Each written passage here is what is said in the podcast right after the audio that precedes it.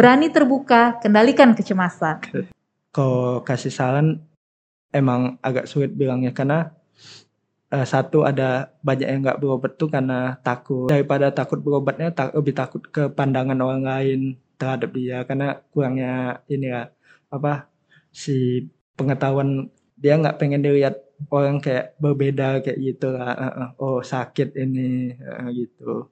Cuman emang sebenarnya harus nggak harus kita harus nggak peduli sih sama pandangan orang lain atau anggapan anggapan orang lain lah gitu kan terus dan apa karena kalau misalnya nggak diobatin dia makin makin lubangnya makin besar terus gitu. tapi emang tiap orang kan beda-beda ada yang kayak saya yang support itu ibu Iya. Uh, uh, tapi kalau misalnya berapa teman saya juga pernah cerita nggak ada yang support di keluarga itu juga yang bikin dia nggak berobat kayak nggak ada bapak apa nggak ada orang nggak yang untuk bisa nolong dia cuman emang ya dari diri sendiri sebenarnya keberanian untuk itu karena yang nolong kita kan juga kita uh -uh.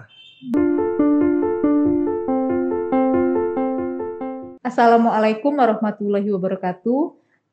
Kembali bersama saya Dr. Vera Elsa Masiagian dalam podcast Sesi Ansietas PPPD SKJI. Salam sejahtera, salam sehat jiwa. Untuk teman-teman di rumah, jangan lupa ya untuk like, komen, dan subscribe ya pada YouTube kita. Nah, kali ini kita kedatangan tamu Bang Fatir Fahrozi. Assalamualaikum Bang. Waalaikumsalam. Gimana nih keadaannya Bang? Uh, baik, cukup Baik baik. ya. Ya. Nah, kita kali ini Bang ada topik nih yang sangat-sangat bagus Iya. nih. Berani terbuka, kendalikan kecemasan. Gitu. Nah, sebelumnya Bang Fatir ini adalah pasien kita ya Bang ya Iya. dengan kecemasan. Kecemasan yang sangat-sangat cemas saat itu Iya, Bang ya. banyak nimbulin gejala psikosomatik gitu. Ah, Nah, nimbulin iya. gejala psikosomatik. Sebelumnya Bang, udah berapa lama nih Bang Abang mengalami kecemasan itu? Sebenarnya kalau kalau ditarik dari yang lama-lama kan, Mm-mm. sebenarnya dari SMA sih. Dari SMA ya. Mungkin tepatnya kelas 2 kelas 3 SMA gitu. Cuman dulu mikirnya itu kayak stres sama depresi biasa. Maksudnya saya nggak dulu nggak bisa bedain panik, cemas kayak gitu lah. Pokok dan kurang juga di lingkungan yang ngerti itu juga. Ya memang kan kalau topik masalah kesehatan mental Iya. ini kan eh, termasuk minim lah ya Iya. untuk untuk masyarakat ya kan. Eh, jadi gimana tuh Bang saat itu Bang? Siapa yang membawa Abang untuk berobat ke psikiater ya saat itu Iya, kan? jatuhnya sebenarnya 10 tahun 10 tahun lah udah 10 kan. tahun yang Ah, lalu 10 tahun ya. yang lalu kan. Tapi kayak berobat itu kayak 4 empat tahun setelahnya. Tapi itu bukan berobat ke psikiater awalnya. Mm-mm. Jadi dulu tuh nggak percaya. Dulu tuh ada kayak gejala kayak buang air kecil sering gitu Mm-mm. awalnya. Mm. Jadi bisa kadang tergantung bisa dalam sejam bisa empat kali atau bisa kadang lima menit sekali juga.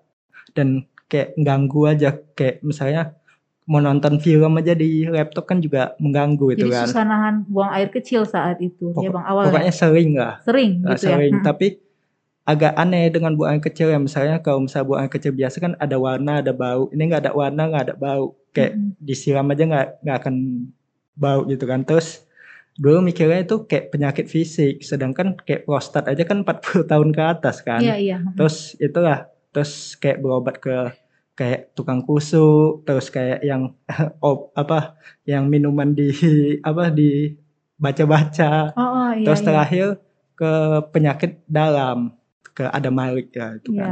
Terus si dokter penyakit dalamnya juga bingung awalnya. Kayak karena umur masih muda waktu itu jatuhnya berapa ya? Masih 21 lah mungkin ya Iya. atau 20. Terus kok udah sering-sering buang air kecil gitu kan. Terus dia nggak nemuin gejala apa-apa yang maksudnya meyakinkan kau itu sakit it, itulah kan. Terus dia nyuruh kayak misalnya cek lah, misalnya cek darah, cek darah, ginjal, paru-paru, apa lagi ya Semua udah itu. pada dicek waktu itu. Dan terakhir setelah kayak satu hari setelahnya semuanya normal. Wow, semuanya normal ya Nah, Bang ya. Jadi secara dia- fisik nggak ada kelainan saat ada. ya Bang. Mm-mm. Terus pun waktu pas SMA juga pola hidup masih sehat, maksudnya nggak ada minum kopi, nggak ada soda pun jarang, maksudnya aneh juga kalau misalnya ada sakit itu kan.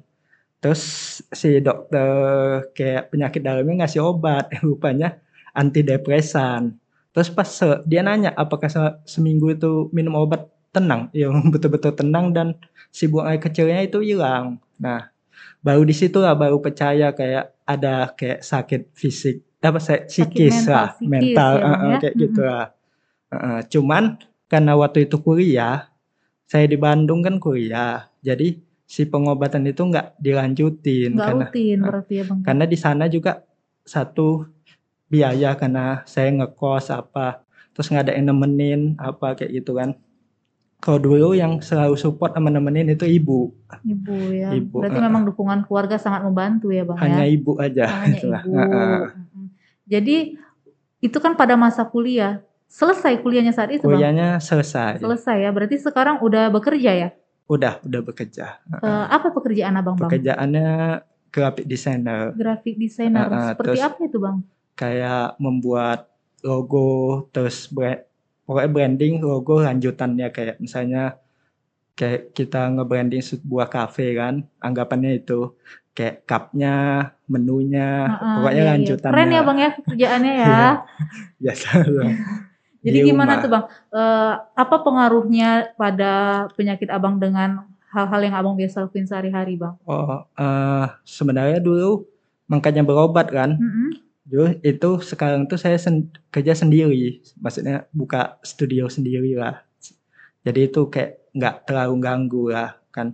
Tapi dulu itu kan dulu tadi ceritanya buang air kecil kan. Iya, nah kan nggak dilanjutin karena cuman itu. Rupanya pas setelah tamat kuliah pas bekerja banyak hal yang muncul lagi selain buang air kecil itu. Jadi kemarin eh, waktu pengobatan yang awal itu sempat sembuh. Eh, saya sembuh dengan sendirinya kayak Ha-ha. misalnya karena saya sering main ke saya buat pokoknya buat terapi sendiri lah kayak main keluar pokoknya dalam kalau bisa seminggu tuh saya nggak di kosan selama pokoknya lima hari itu harus keluar lah kayak gitu lah kan. Terus pas setelah tamat kuliah ada kayak tuntutan hidup mikirin masa depan mikirin uang. Terus ada kayak mikirin bapak saya nggak berubah-ubah sifatnya kayak gitu kan. Nah eh, itu waktu itu muncul gejala-gejala Jadi balik lain lagi ya, dan lebih parah lebih parah. kalau Uh-uh. dulu kayak dulu itu kan cuman buang air kecil habis itu setelah itu kayak sakit kepala saya sempat juga kayak sakit kepala tiga bulan gitu Nggak sembuh-sembuh, udah minum obat nggak Udah minum ya? minum obat itu sampai ke dokter apa nah terus kayak tangan tremor Mm-mm. terus kan kalau orang deg-degan di dada ini di tangan kedua tangan kayak deg deg Jadi kayak tangannya nyeri, berdenyut gitu ya? Badannya terus lemas, Lemas. terus pun iya. capek tiba-tiba terus pun aneh ada yang aneh juga kayak misalnya saya itu kan orangnya kalau jalan kuat mau jauh juga kan pas waktu itu kayak dari kosan saya ke Indomaret itu kayak dekat lah dari sini kayak berapa meter aja kan habis pulang kayak saya capek kali gitu pokoknya suka capek tiba-tiba bisa sampai bangun tidur pun bisa capek rasanya kayak habis main bola tapi sebenarnya nggak ada nggak ada ngapa-ngapain kayak gitu kan terus banyak lah pokoknya gangguan-gangguan lain terus di situlah mulai berobat Mulai mikir. berobat gitu ya. jadi saya kan di Bandung Mm-mm. terus saya balik ke Medan untuk itu juga Jadi memang selama pengobatan ini bermanfaat ya selama Eh, ini. mm-mm. tapi Ada sebelum perubahan ya? ada banyak cuman sebelumnya itu eh, pindah-pindah jadi sampai nemu yang pas lah terakhir lah. Gitu. Jadi awalnya kayak ke psikolog, psikolog, habis itu ke psikiater lain, terus terakhir ke psikiater lah. Heeh. yang pas lah maksudnya. Ya, yang pasti sekarang dari pengobatan itu sangat berpengaruh ya terhadap Iya. kehidupan abang sekarang iya, ya. Nah, nih bang, menurut abang eh, pergi menjumpai psikiater itu dan mencari pengobatan bentuk salah satu mencintai diri nggak bang kira-kira bang? Eh, iya betul sih. Heeh. Tapi apa? Tapi sebenarnya daripada mencintai dia emang harus sih, karena kan kayak penyakit psikis mental itu bukan kita aja yang diru- yang rugi gitu kan, tapi orang sekitar juga kayak keluarga kita pasti kena dampaknya dari perilaku kita, sikap kita kayak gitu lah. Terus Jadi pun memang mm-mm. eh, abang yang sakit, keluarga pun kena dampaknya juga Iya pasti kena ya. dampaknya. Kayak dulu saya bikin suka bikin ibu nangis juga. Karena ibu lihat saya kayak nggak punya hawa untuk pengen hidup itu. Kayak gitu kayak nggak ada tujuan kelihatan dari wajahnya itu. Jadi memang salah satunya eh, pengobatan abang tuntas juga karena orang sekitar iya gitu karena orang ya. sekitar. Pokoknya kena sih kayak teman apa gitu kelihatan eh, perilakunya beda. Saya terhadap orang lain dari yang sebelum sakit sama sesudah gitu. Heeh. sesudah, gitu ya. Tuh jadi kayak emang perlu sih karena emang kan apalagi masa dewasa ini perlu kerja kan untuk dengan sakit psikis ini sangat susah kali maksudnya bekerja gitu kan beda kayak sakit fisik yang kayak minum obat maksudnya hitungannya lebih jelas untuk Iya, eh, iya, iya, iya.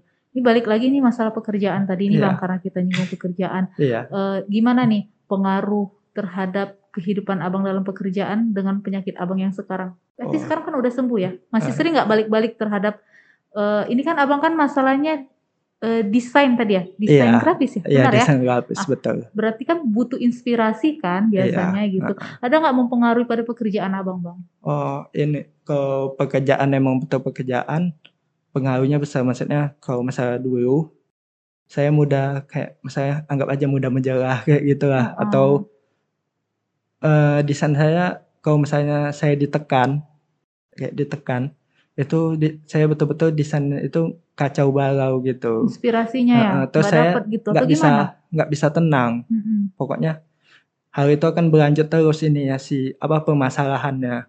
Kalau sekarang tuh kayak ada saya tahu untuk berhenti gitu dengan masalah itu dengan tekanan itu. Atau enggak pokoknya tahu lah kalau dulu tuh betul-betul kebingungan. Itu yang mempengaruhi kerja juga kayak dimarahin oleh dulu kan kerja sama orang dimarahin oleh bos. Tapi kan kalau bos nggak mau ngerti juga maksudnya kayak kita apalagi untuk jelasin kalau misalnya kita punya sakit mental gitu itu sulit juga untuk ngerti gitu kan. Cuman yang berpengaruh itu kayak kan di selain kerja saya juga buat karya gitu kan maksudnya saya suka bikin majalah gitu Bikin majalah namanya ya, zin jadi Hmm. tulisan-tulisan saya pas- Zin, zin, zin itu apa, Bang? zin itu kayak media alternatif gitu kalau umumnya majalah tapi kalau dibuat sendiri namanya zin atau Gitu. zain gitu lah Heeh.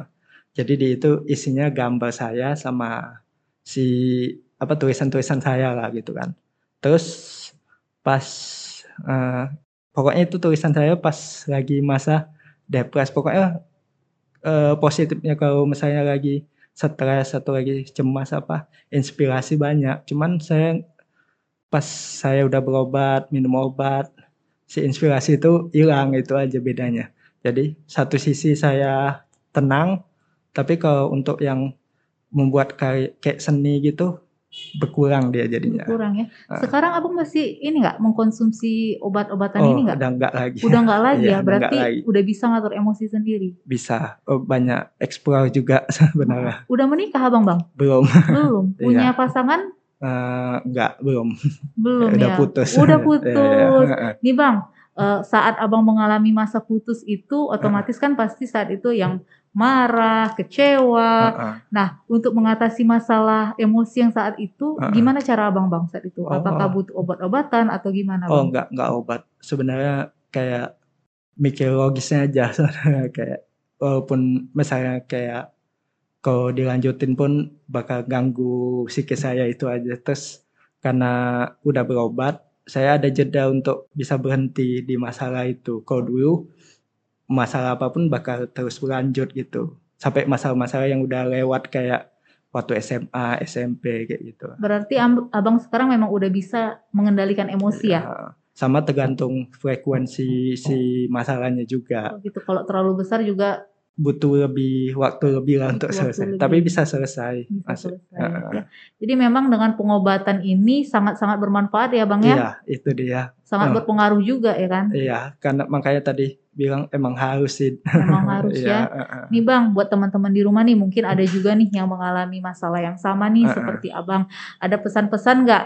Gimana nih cara Heeh. bisa move on lah gitu kan istilahnya kan?